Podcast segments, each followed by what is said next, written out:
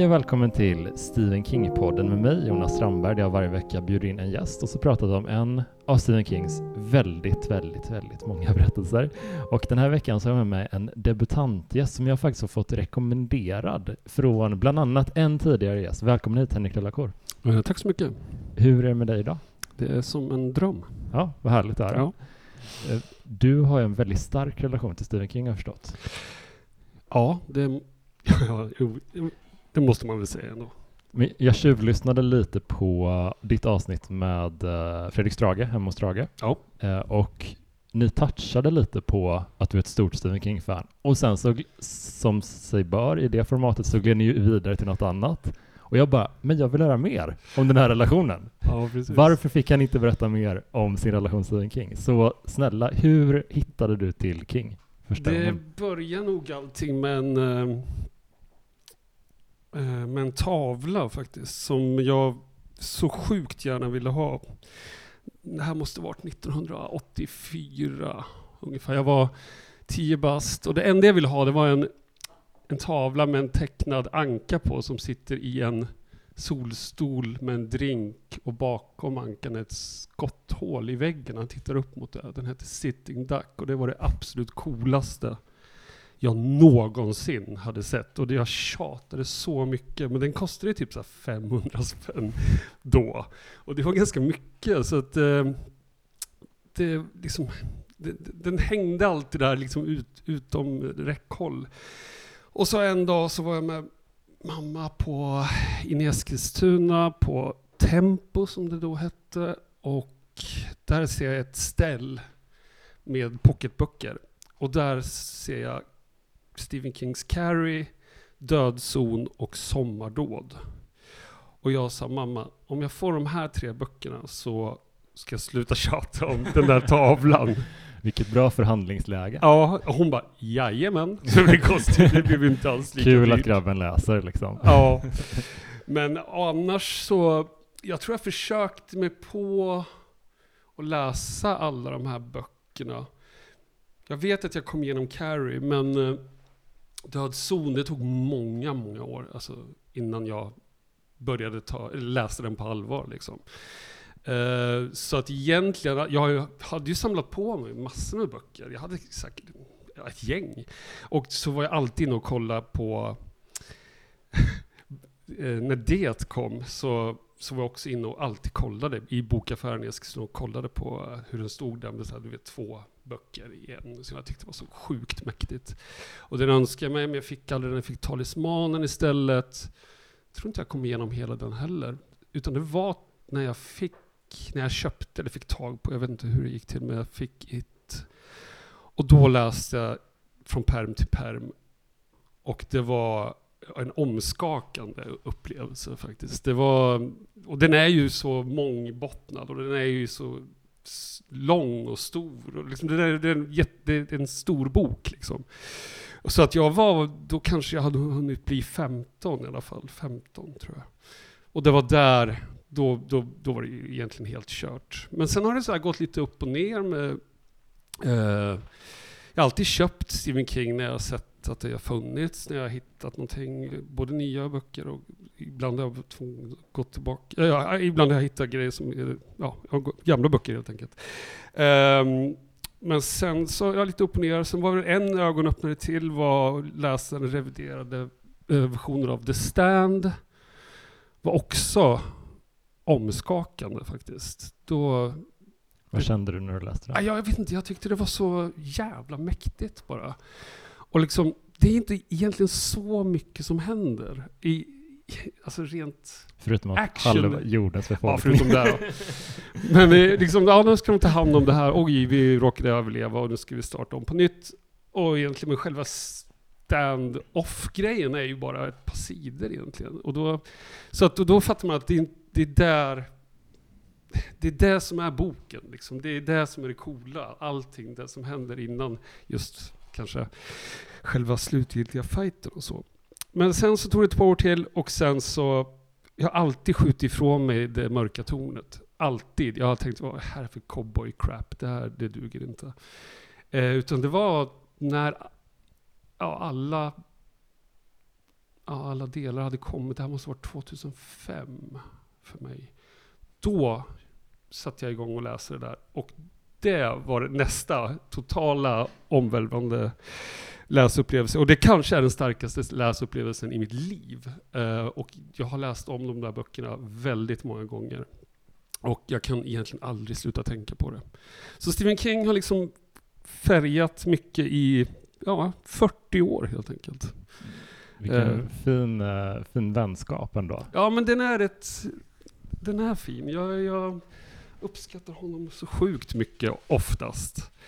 Um, och jag kan, man, kan också se ja, hur han går igenom sina olika perioder av, eh, när man har läst allting så kan man verkligen se i backspegeln och se vad som har hänt med honom och hur hans liv har påverkat hans typ av skrivande och eh, eh, även hur han uttrycker sig och allt sånt där. Så jag, det, och det, som tur är så finns det så många, många böcker så att jag kan alltid gå tillbaka och läsa om någon för då har det gått så lång tid att jag har typ glömt bort dem, eller i alla fall detaljerna av det. Har du någon favorit av hans perioder som du fastnar extra mycket vid?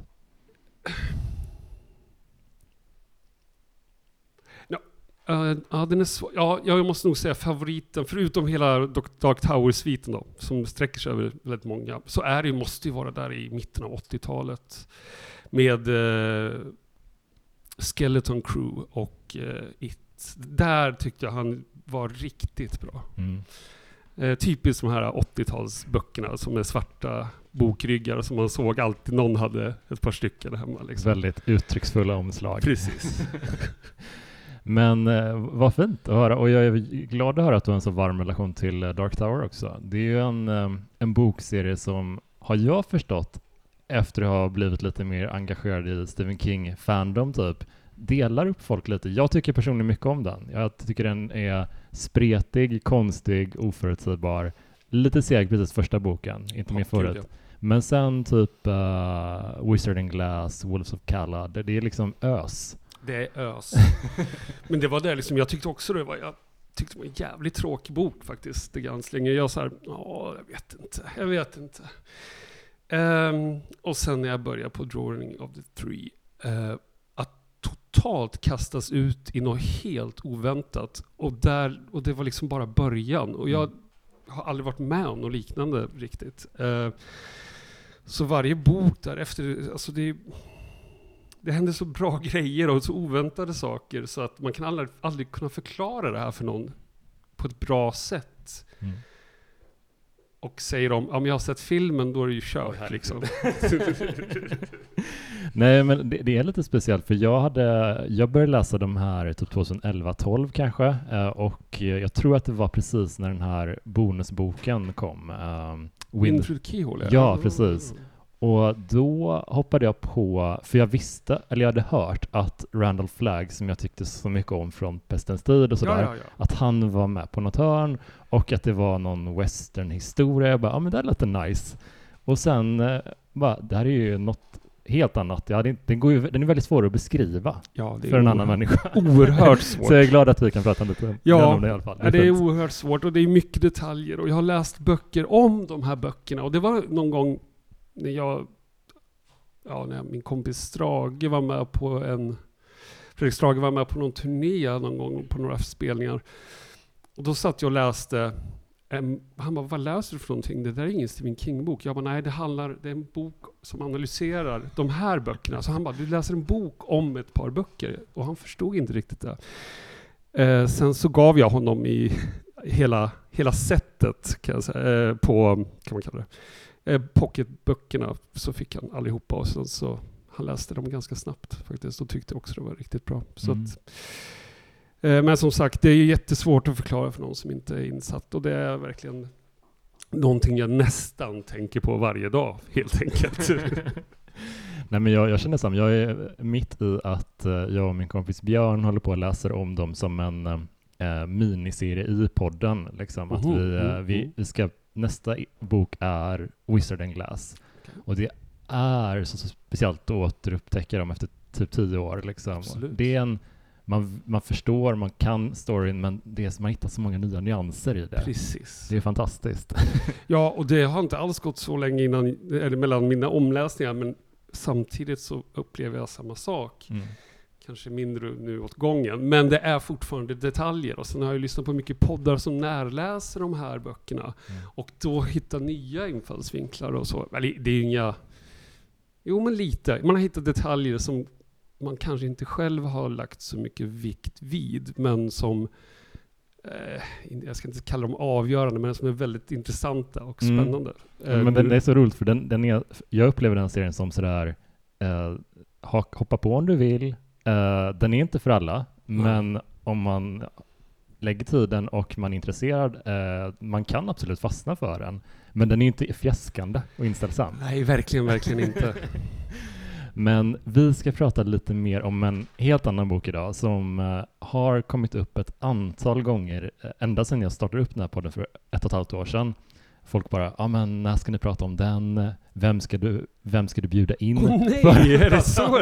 Ja, det visste inte jag. Jag har lyssnat en del, men det hade jag inte hört. Nej, men vet du, jag, jag har funderat på det så länge att eh, hur man ska behandla den här boken, för det är en väldigt speciell eh, roman i hans eh, stora bibliografi. Ja. Eh, raseri, rage, som vi ska prata om. Och det han uppger själv att det var den första i, eh, i SN Guns som han gav ut 2013. Då berättar han att det här var den första boken han skrev eh, när han gick i typ high school. ja, 17 år gammal, 1966. Så otroligt ung människa. Mm. Eh, och det känner man på många sätt, tycker jag, när man läser den nu. Åh herregud ja.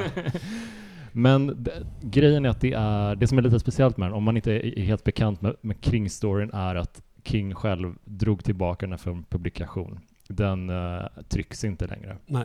Den uh, rycktes for, först från uh, pocketutgåvan uh, och sen så plockades den även ut ur samlingen The Bachman Books. Den gjorde det, för det tänkte jag fråga dig om. Mm. Okej, bra. Då får jag svar på det. Nej men det tog lite längre tid för att de var tvungna att redigera om boken och Absolut. sådär. Men uh, så den, är borta där också? den är helt Okej. sådär, så den är väldigt svår att, eh, den är lite lättare att få tag i i Sverige för att de, de här uh, legendautgåvorna hittar man ju lite här och var.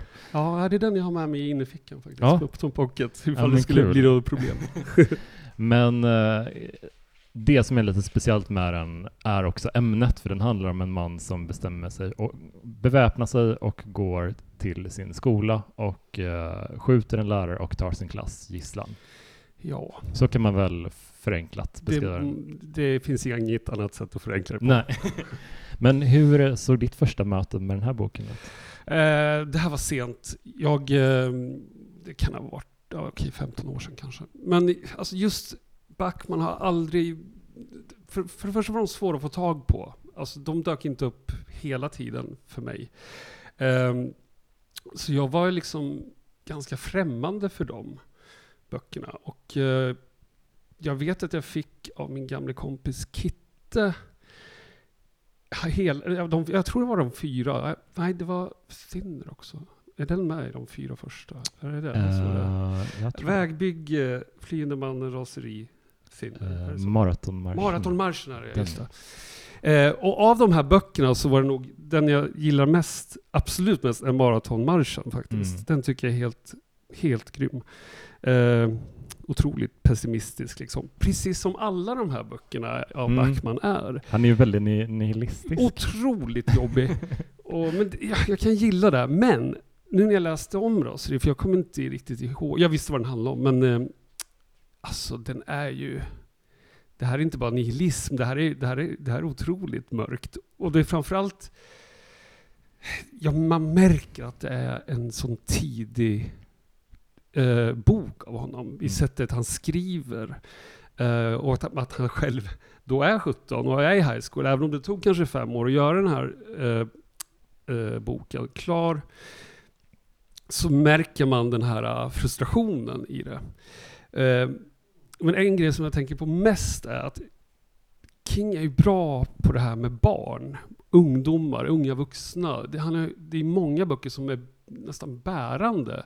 Alltså det, och vi har eh, senare till institutet, alltså The Body. Det, det finns många, många där ungdomen liksom är eh, beskriven, tycker jag, väldigt, väldigt bra och framförallt ganska kärleksfullt eh, att vara, att vara ung, liksom, eller att vara ett barn. Ehm, så är det inte här. Det här är liksom något helt annat. Det liksom bubblar av frustration och språket är väldigt eh, grovt. Det är, ja, det, det är väldigt grovt tycker jag. Och tyvärr har jag aldrig läst den här på engelska. Jag, eh, jag, hade problem med den här översättningen också faktiskt. För att jag, det är uttryck och slanguttryck som inte översätts så bra. Liksom, och jag Ja. märker det. Ja, den här perioden Ja. är, är de svenska utgåvorna många gånger halvdant översatta faktiskt. Det är verkligen Jag så. tycker det, det, nu när John Henry Holmberg, som översatt Mm. King ganska länge i Sverige, när han steppade upp, då blev det bra, tycker jag. Han, han är väldigt duktig, han hittar ofta tonträffen, men här är det så spretigt. Ja, Det, det är helt, och det här är också, det är två översättare på den här. Oj, Det gör ju inte saken enklare liksom. varför behövde de vara två? Ja, det undrar jag också. Så det är Carl G och Lilian Fredriksson som försökt sig på det här, men jag tycker det är tyvärr kört. Eh, för dem. Ja, alltså verkligen. Jag var igår på eh, Bret Easton Ellis som skrivit bland annat American Psycho. Han var på eh, Rival i Stockholm och hade ett scensamtal och då berättade han lite grann om eh, han drog en skiljelinje mellan sin bok Less than Zero och den här The Shards som eh, är den senaste. Och han berättade, han skildrar ungefär samma period i en ung människas liv i båda dem. Men i Less than Zero, då var han typ i den åldern. Precis. Och den är lite hårdare, lite kallare. Den här är liksom här ser han mer på de unga människorna med lite mer empati, upplever Mm. jag. Och det är ändå en ganska hård författare. Ja, ja, ja, det är ju Eh, det. Men han är, han är också lite av en mjukis när han tittar tillbaka på sina egna 17s. Gud vad eh, intressant. så- Jag har, jag har läst dem all, eller de flesta, men den senaste har jag inte gjort. Den är jättebra, jag Ja, är coolt. jätteförtjust i den. Och det, jag tänkte på det så mycket att man, det, det kanske är där den här kylan märks som man inte är van vid med King. Precis. Att han är i tiden. Det är den enda förklaringen. Han hatar de andra Exakt. eleverna. Ja men du vet så här, verkligen, det kommer jag ihåg själv hur, hur man kände under den här tiden. Jag var oerhört, eh, nej i och för sig, jag var en jävla pajas ganska länge. Men när jag började läsa litteratur på universitetet, då fullkomligt hatade jag de som gick i min klass. Mm. Helt utan Mm. någon slags anledning överhuvudtaget. Men du vet, jag, jag och då var man väl, jag var väl 18 kanske. Så att du vet, då, jag kände väldigt starkt att jag var lite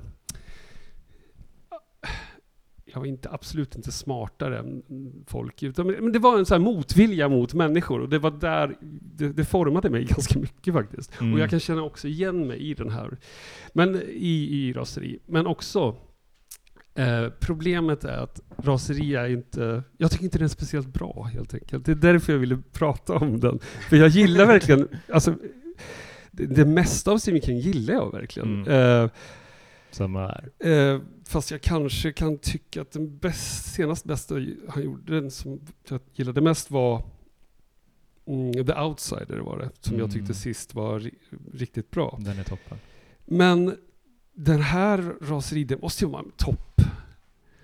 Alltså sämsta topp 10 i alla fall, eller åtminstone topp 20 för att den är, inte någon speciell, jag vet inte, jag gillar den inte så mycket. Det är framförallt, det är ju ingenting som är eh, vad ska man säga, fantastiskt i den här boken, eller eh, overkligt eller science fiction, utan det är ju tyvärr väldigt, väldigt verkligt. Mm. Och eh, jag förstår att det här blev problem eh, när det blev mycket, när skolskjutningar förekom lite senare och den här var inblandad på något sätt. Att de hittade i visst någon skåp och någon sa att det här var den grejen och så. Mm. Att, som hade inspirerat. Och det, är ju, det måste ju vara oerhört tungt för en författare. Ja, jag läste också lite om det, för jag hade bara hört lite ytligt och eh, jag, min uppfattning var liksom att det var en skolskjutning, eh, skytten sa, hade liksom den här boken i sin ägo och King tog illa vid sig. Det hade man ju kunnat förstå eh, redan där. Ja. Men det, det var ju liksom en serie skolskjutningar. Ja. Det var ju liksom under 80-90 att det var många som den här fanns på något sätt inblandad som någon sorts inspirationskälla. Ah, det är ju det är ju rätt fruktansvärt egentligen. Eh, och det är klart att han tar ut ur tryck. Alltså, det borde kanske inte ha funnits i tryck egentligen. Men eh, å andra sidan så dröjde det så pass länge så att han, Mm. att han, innan han gjorde det. Av förståeliga skäl. Men den här, han måste ju någonstans ha ändå varit ganska nöjd med den här boken. Även, att, kanske framförallt för att kunna använda sitt alias och skriva en annan typ av böcker. Och det tycker jag det är skitsmart. Liksom. Um, men det är en väldigt svår bok att läsa. Dels tycker jag det inte funkar så bra med översättningen och dels att den är hård och den är ju väldigt uh, insp inte inspirerad, men det är ju lite i samma anda som Kings favoritbok där, Lord of the Flies. Uh, och det, det är ju lite lite så också, de är isolerade ungdomar och gör, går efter sina, ja, inte drifter kanske direkt, men lite så. Utan mm. de kör ganska hårt och det slutar sådär. Eh, så det kan man ju dra en parallell till, att han ville göra en sån här, någon typ sån bok. Men jag tror ett problem som jag upplevde med den här var liksom att um, den figurerar ibland i sådana sammanhang i olika King-forum och sådär att åh oh shit, kolla jag fick tag i ett exemplar av den här. Att den betraktas som en eh, förbjuden eh, litteratur, vilket inte alls är fallet. Det är ju författaren själv som kände att det här känns inte bra. Precis, precis. Eh, så jag gillar inte tabut som har börjat omge den senaste typ tio åren kanske. Okay, eh, det, det, är tråkigt för det, det är en, en, en riktigt illa skriven roman ja, som har fått de, den hypen och den är tråkig, den är kall och fientlig. Um, jag tycker att ämnet behandlar det om man vill. Det är inte det. Det är inte jag tycker att man inte ska prata om det. Men hade man haft typ så här ett annat perspektiv, mm. eh, typ en allvetande berättare kanske, eller någonting som var lite mera såg på skeendet.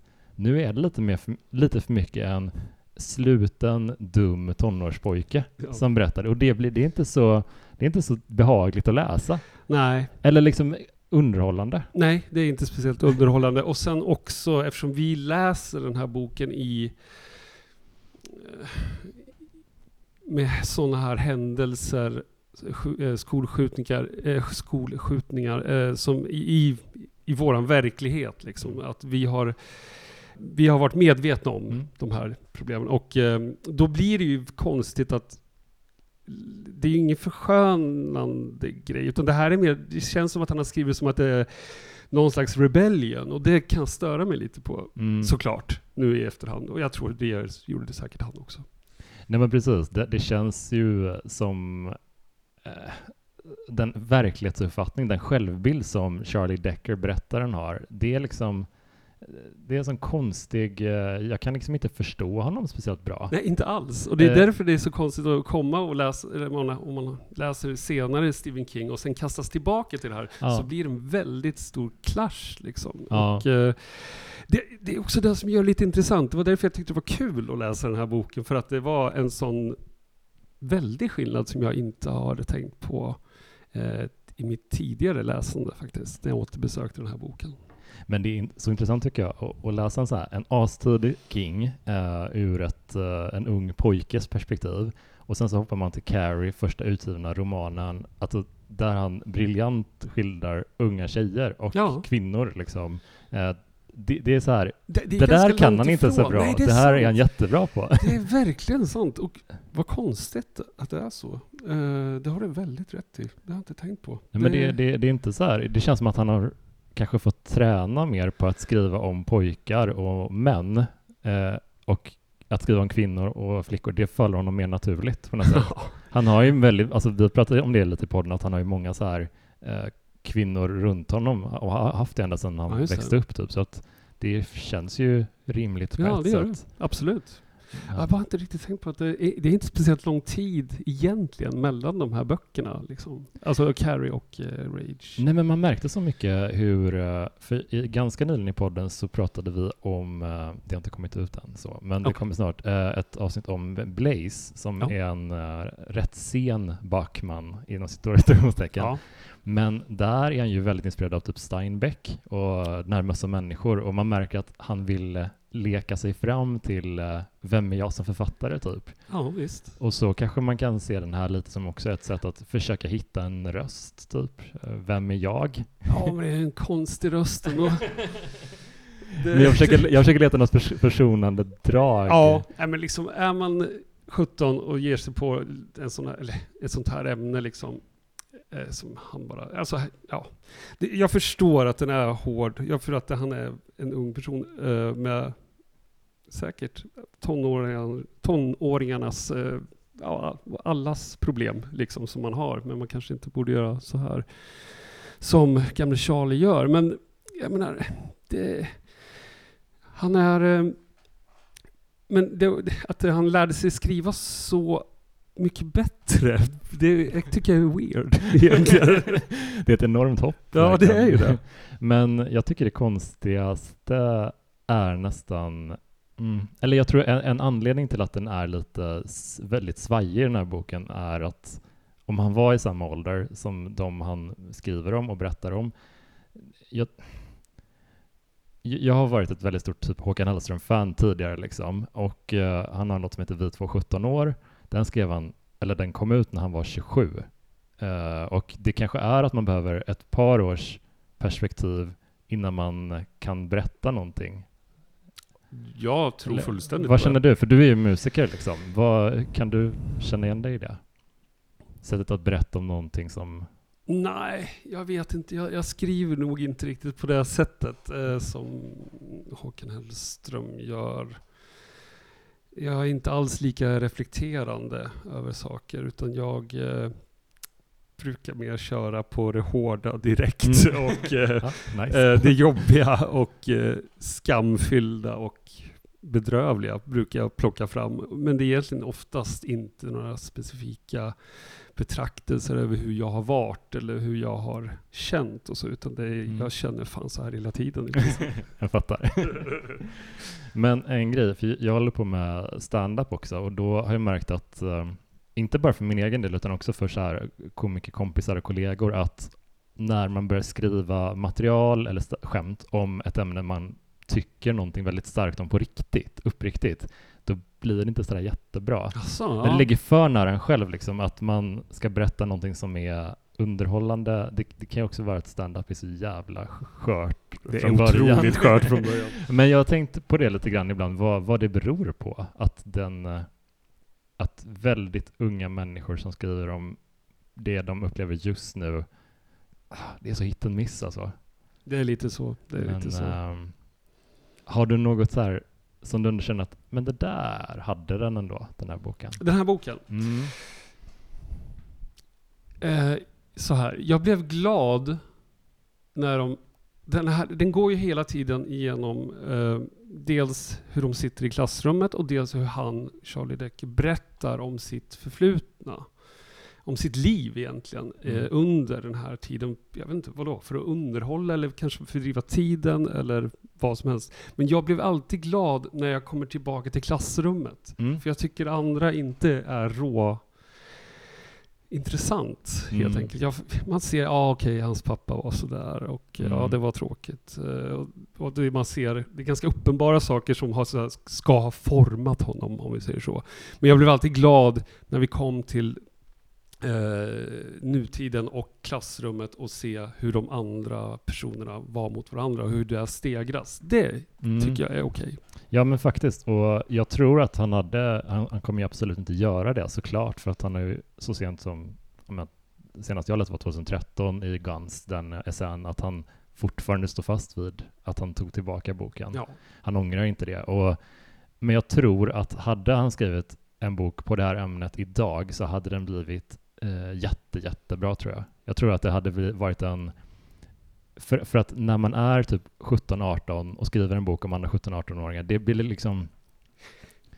Det är lite för nära för att kunna se Ja, ja men det är lite, kanske det jag famlar lite på ja. orden här känner jag, men jag tror att det som man känner väldigt starkt för då, det, det gör att en del av ens empati för karaktärerna försvinner då, för att man hatar den där sportkillen så mycket. Ja, eller man, man, man är så förälskad i den där tjejen och man, man hatar henne för att hon inte vill ha henne. En, liksom, alltså det, de där, det, det finns ingen förståelse för det som sker runt omkring. Nej, det är inte helt reflekterande, eller vad man säger, utan det är liksom så här intryck och sen bara eh, köra loss. Ja, eh, så och, det ja, där, ja, men det, det kanske hade varit, hade han varit uh, den författaren är idag och berättat, då hade han, han hade förstått vi hade förstått mer vad, vad som drev Charlie, vad, vad det fanns för omständigheter, vi hade brytt oss mer om, vi hade inte avskytt honom från sida ett Nej. typ. Eh, Det hade funnits nyanser. Ja, det hade det gjort. Eh, jag tror att det, här,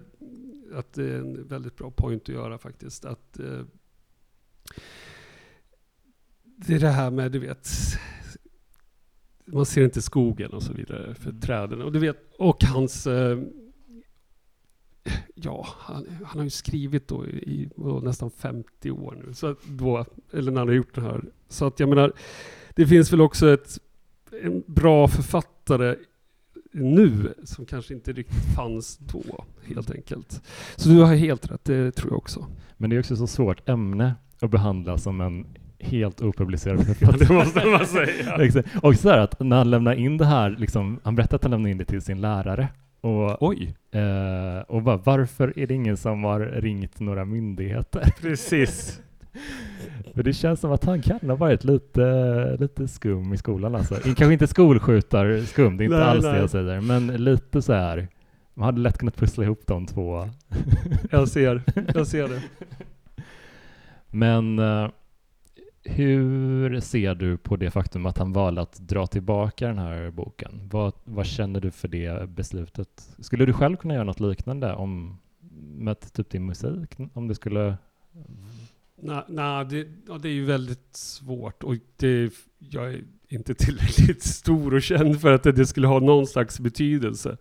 Eh, jag tycker att såklart att han inte hade något val egentligen eh, för sig själv. Jag tror att det var helt, det var ju helt rimligt att göra, att ta bort den. Eh, men då, det är fortfarande frågan varför ens finns den utgiven? Det är det jag tycker. Även om man vill testa skriva under andra premisser än sitt eh, horror-alias så liksom tycker jag att det är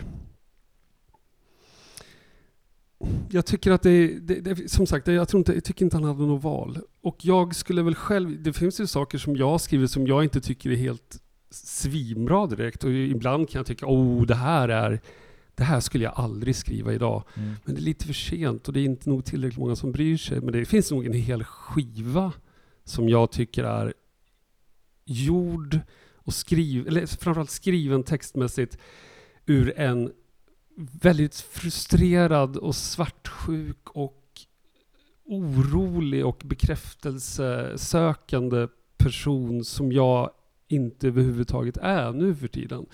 Men när jag lyssnar tillbaka så blev jag nästan så här, nej men herregud, så där kan man ju inte hålla på. Men ja, det är väl lite för sent nu. När jag var typ så här 17-18, jag försökte skriva skönlitterärt och var jättedålig på det.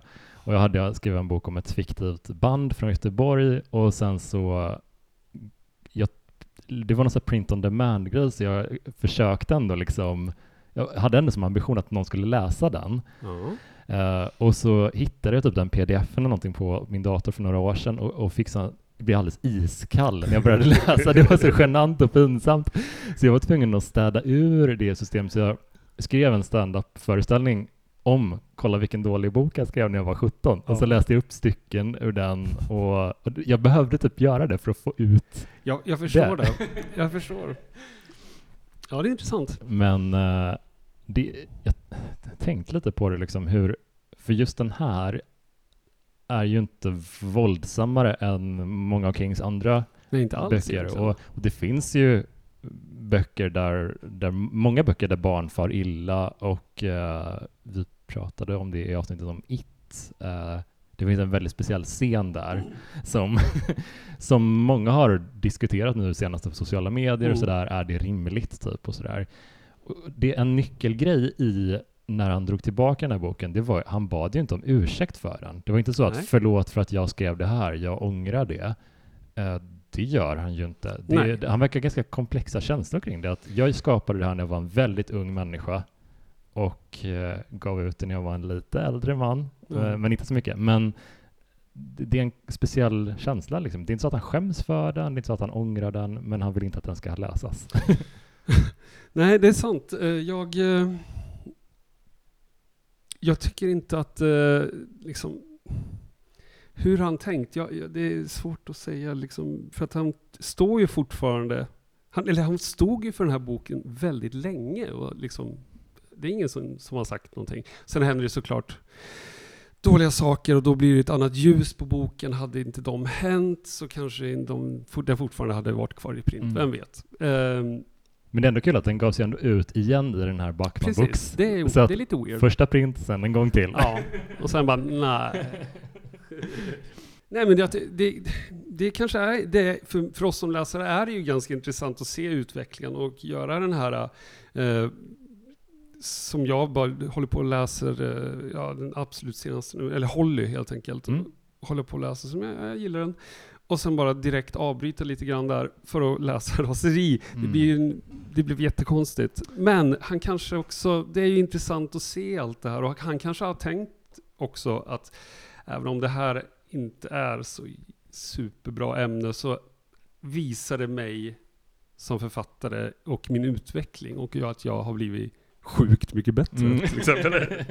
ja, och sen så, eh, vi är ju ändå transparenta. Vi har läst den här på svenska. Eh, den är jättesvår att få tag i eh, på engelska. Men jag tänker så här att man kan belasta översättarna till viss del. Men berättelsen är ju ändå densamma. Det är det. Eh, det är inte sådär... Och hårdheten i språket är fortfarande samma. Mm. Hur han tänker, hur han uttrycker sig. Mm, mm. Alltså den fiktiva personen Charlie Decker. Och det, får man, det får man ta. Och det är väl, det, jag kan tycka att det är intressant, men jag blev faktiskt ganska chockad när jag Mm. Men har du, ehm, jag tänker så här, vi, vi har pratat lite om dina King-favoriter eh, i början och så gick vi vidare till den här. Men har du några så här, din topp top fem Stephen King? Har du några sådana här? Som bra, eh, alltså inte sämst, Nej, inte utan sämst bäst. utan bäst. Du, du, du kan, vi kan ta båda om, om ja, jag kan inte nog säga fem vet jag inte, men Tre. jag vet att eh, sämst är ju kanske den här Sleeping Beauty. Så jag tycker den, Mm. jag, alltså, den är så dålig så att jag inte kommer ihåg riktigt. Jag vet vad den handlar om, jag har, har ingen aning om hur den slutar. Och jag vet att jag började på den många, många gånger och sen Ja. till slut jag bara, nu läser jag den. Jag hängde inte med i den. Nej. Ja, och, och den börjar ju också med så en, en lista på typ två eller tre sidor med karaktärer och vad de har för funktion. Men Give me a break. Ja, men det är en riktigt dålig bok kan jag känna. Sen är det väl... Okej, bäst. Det är, jag, då får jag välja att se The Dark Tower som en berättelse. Och då Mm. sätter den först och jag sätter It som andra. Och kanske Maratonmarschen som är en Backman-bok då som Mm. tre. Mm. Ja, någonstans där skulle jag säga. Eh, sen är det ju många jävligt mediokra grejer han har kommit med genom åren. Men det är väl oftast där när de... Jag är väl inte superförtjust i eh, de här deckargrejerna, eller är de okej? Annars tycker jag Joyland var riktigt dålig också. Nej! Jo, jag tyckte den var helt... Den älskar jag! Jag tyckte den var så förutsägbar så att jag Nej. så här, ja men jag vet vad som kommer hända nu. Ja, ja. Liksom, och jag gillar att bli, du vet, eh, såklart överraskad och tagen till ställen där jag inte har tänkt att eh, jag ska hamna. Mm. Istället för bara ganska, jag tycker det var en jävligt medioker historia. Till skillnad från kanske The Colorado Kid, Mm. som egentligen inte handlar om speciellt mycket. Det är utan bara ett samtal. Ja, det är bara ett samtal. Men den var mycket mer givande tycker jag att läsa än den här. Sen tycker jag att Talismanen är riktigt kass också, även om jag tycker det Svarta huset, eller Svarta huset är bra. Mm. Så att det är också lite flytande där. Men, men jag tycker den är riktigt tråkig. Det är många tvära kast med King, är det ju. Det är ju det. Det är ju det. Men det är också där man kan digga liksom. Ja. Men jag tror att uh, någonting jag har lite, jag hade en, lite farhågor om den här innan jag började läsa Raseri, att eh, det finns en viss typ eh, av, jag skulle säga nästan 100% män, eller killar, som tilltalas av den här boken och tycker att det är spännande att den är out of print, den är svår att få tag i, det finns en eh, det finns rykten om den, det finns en s- alltså, otäck bakgrundshistoria. Och de som tilltalas av den primärt ur Kings bibliografi, det är inte... Jag, jag gillar inte att döma folks smak, men jag tycker här, om, om den här sticker ut som en favorit bland ens, det är någonting som är lite... Eh, ja, det är inte alls bra. Nej, nej men alltså det, det är så tråkigt. Jag försöker verkligen så bara folk har sina olika favoriter Sure, sure. och så vidare. Men här, Ja, här är en stor röd flagg om man har den här som en favorit. Jag, eh, Det är jag beredd att... jag ser pointen eh, och jag är beredd att hålla med faktiskt. Eh, men jag, precis som du nämnde förut, det är ju faktiskt lite olyckligt att det har blivit någon slags, eh, vadå, helig graal, eller du vet, att det är lite Mm. förbjudet, Mm. att det är lite, om man får tag på och läser det, liksom, jag menar, så, det är visst en hård bok och det är obehagligt, men det är inte, alltså det är inte Necronomicon liksom. Du vet. Den påhittade. Nej men jag tycker alltså det viktigaste man kan göra kring en sån här bok, när, när det börjar bildas en my- mytos kring den, det är att titta på den, vad är det för någonting och så återger man exakt vad det är. Och det här är en ganska tråkig bok. Ja, det, den är ganska tråkig faktiskt. Den är inte Sleeping Beautys tråkig, men Nej. den är... eh, Det, det, det är liksom... Som, som du säger, är det här man håller som absolut bäst och samtidigt, och samtidigt håller på att ta sin jägarexamen? Vet jag inte. Ja, då är man intresserad av lite fel sak. Ja. Men eh, jag sa ju ingen positiv grej när jag tvingade dig att göra det, så jag tror en positiv aspekt med den här boken är att den är ganska kort. Ja. Och eh, sen känns den inte så kort. Eh, det, eh, jag, Jag gör den tyvärr inte. jag, jag, jag kämpade mig igenom den över två kvällar tror jag, och en sån här bok jag är inte alltid en fast reader, men den här skulle jag normalt kunna ta mig igenom på kanske en kväll om jag inte hade något annat den det var lite över 200 sidor. Det är inte, Ja. det är inte liksom... Nej, det är inte världens. Men eh, ja, så nu, eh, nu vet ni det om raseri. Nu vet ni eh, allt ni behöver veta. Ja. och det var jättekul att med dig Henrik. Du får, om du vill får du jättegärna komma tillbaka någon gång. Ja, och, när som helst. Det här var råkul. ja, vad jag får roligt. aldrig prata om Stephen King. Folk tycker jag är skittråkig. Här får du alltid prata om Stephen Ja, King. Eh, och eh, hoppas att ni har tyckt om det här avsnittet. Det är ytterst sällan vi eh, är så unisont enade mot en bok. Det har hänt, jag skulle säga att det har hänt tre gånger med den här. Och det är Drömfångare, det är Ja, den är för jävlig också. Den är hemsk och eh, Sleeping Beauties faktiskt. Ja. Och det är Raseri nu. Så det är en trio. Jag kanske glömmer någon. Och jag det tror är helt rimligt. Jag tycker det. Men ja, diskutera gärna den här boken i Facebookgruppen och håller ni inte med så är det fine. Men eh, ja, det, det är alltid fint att prata Stephen King med er lyssnare. Så hoppa in där och, och säg vad ni tycker. Säg om jag är dum i huvudet också, det får ni gärna göra. Men tack för att ni har lyssnat på det och tack för att du var med Nick. Det var superkul. Tack snälla. Eh, vi hörs om en vecka igen. Hej då!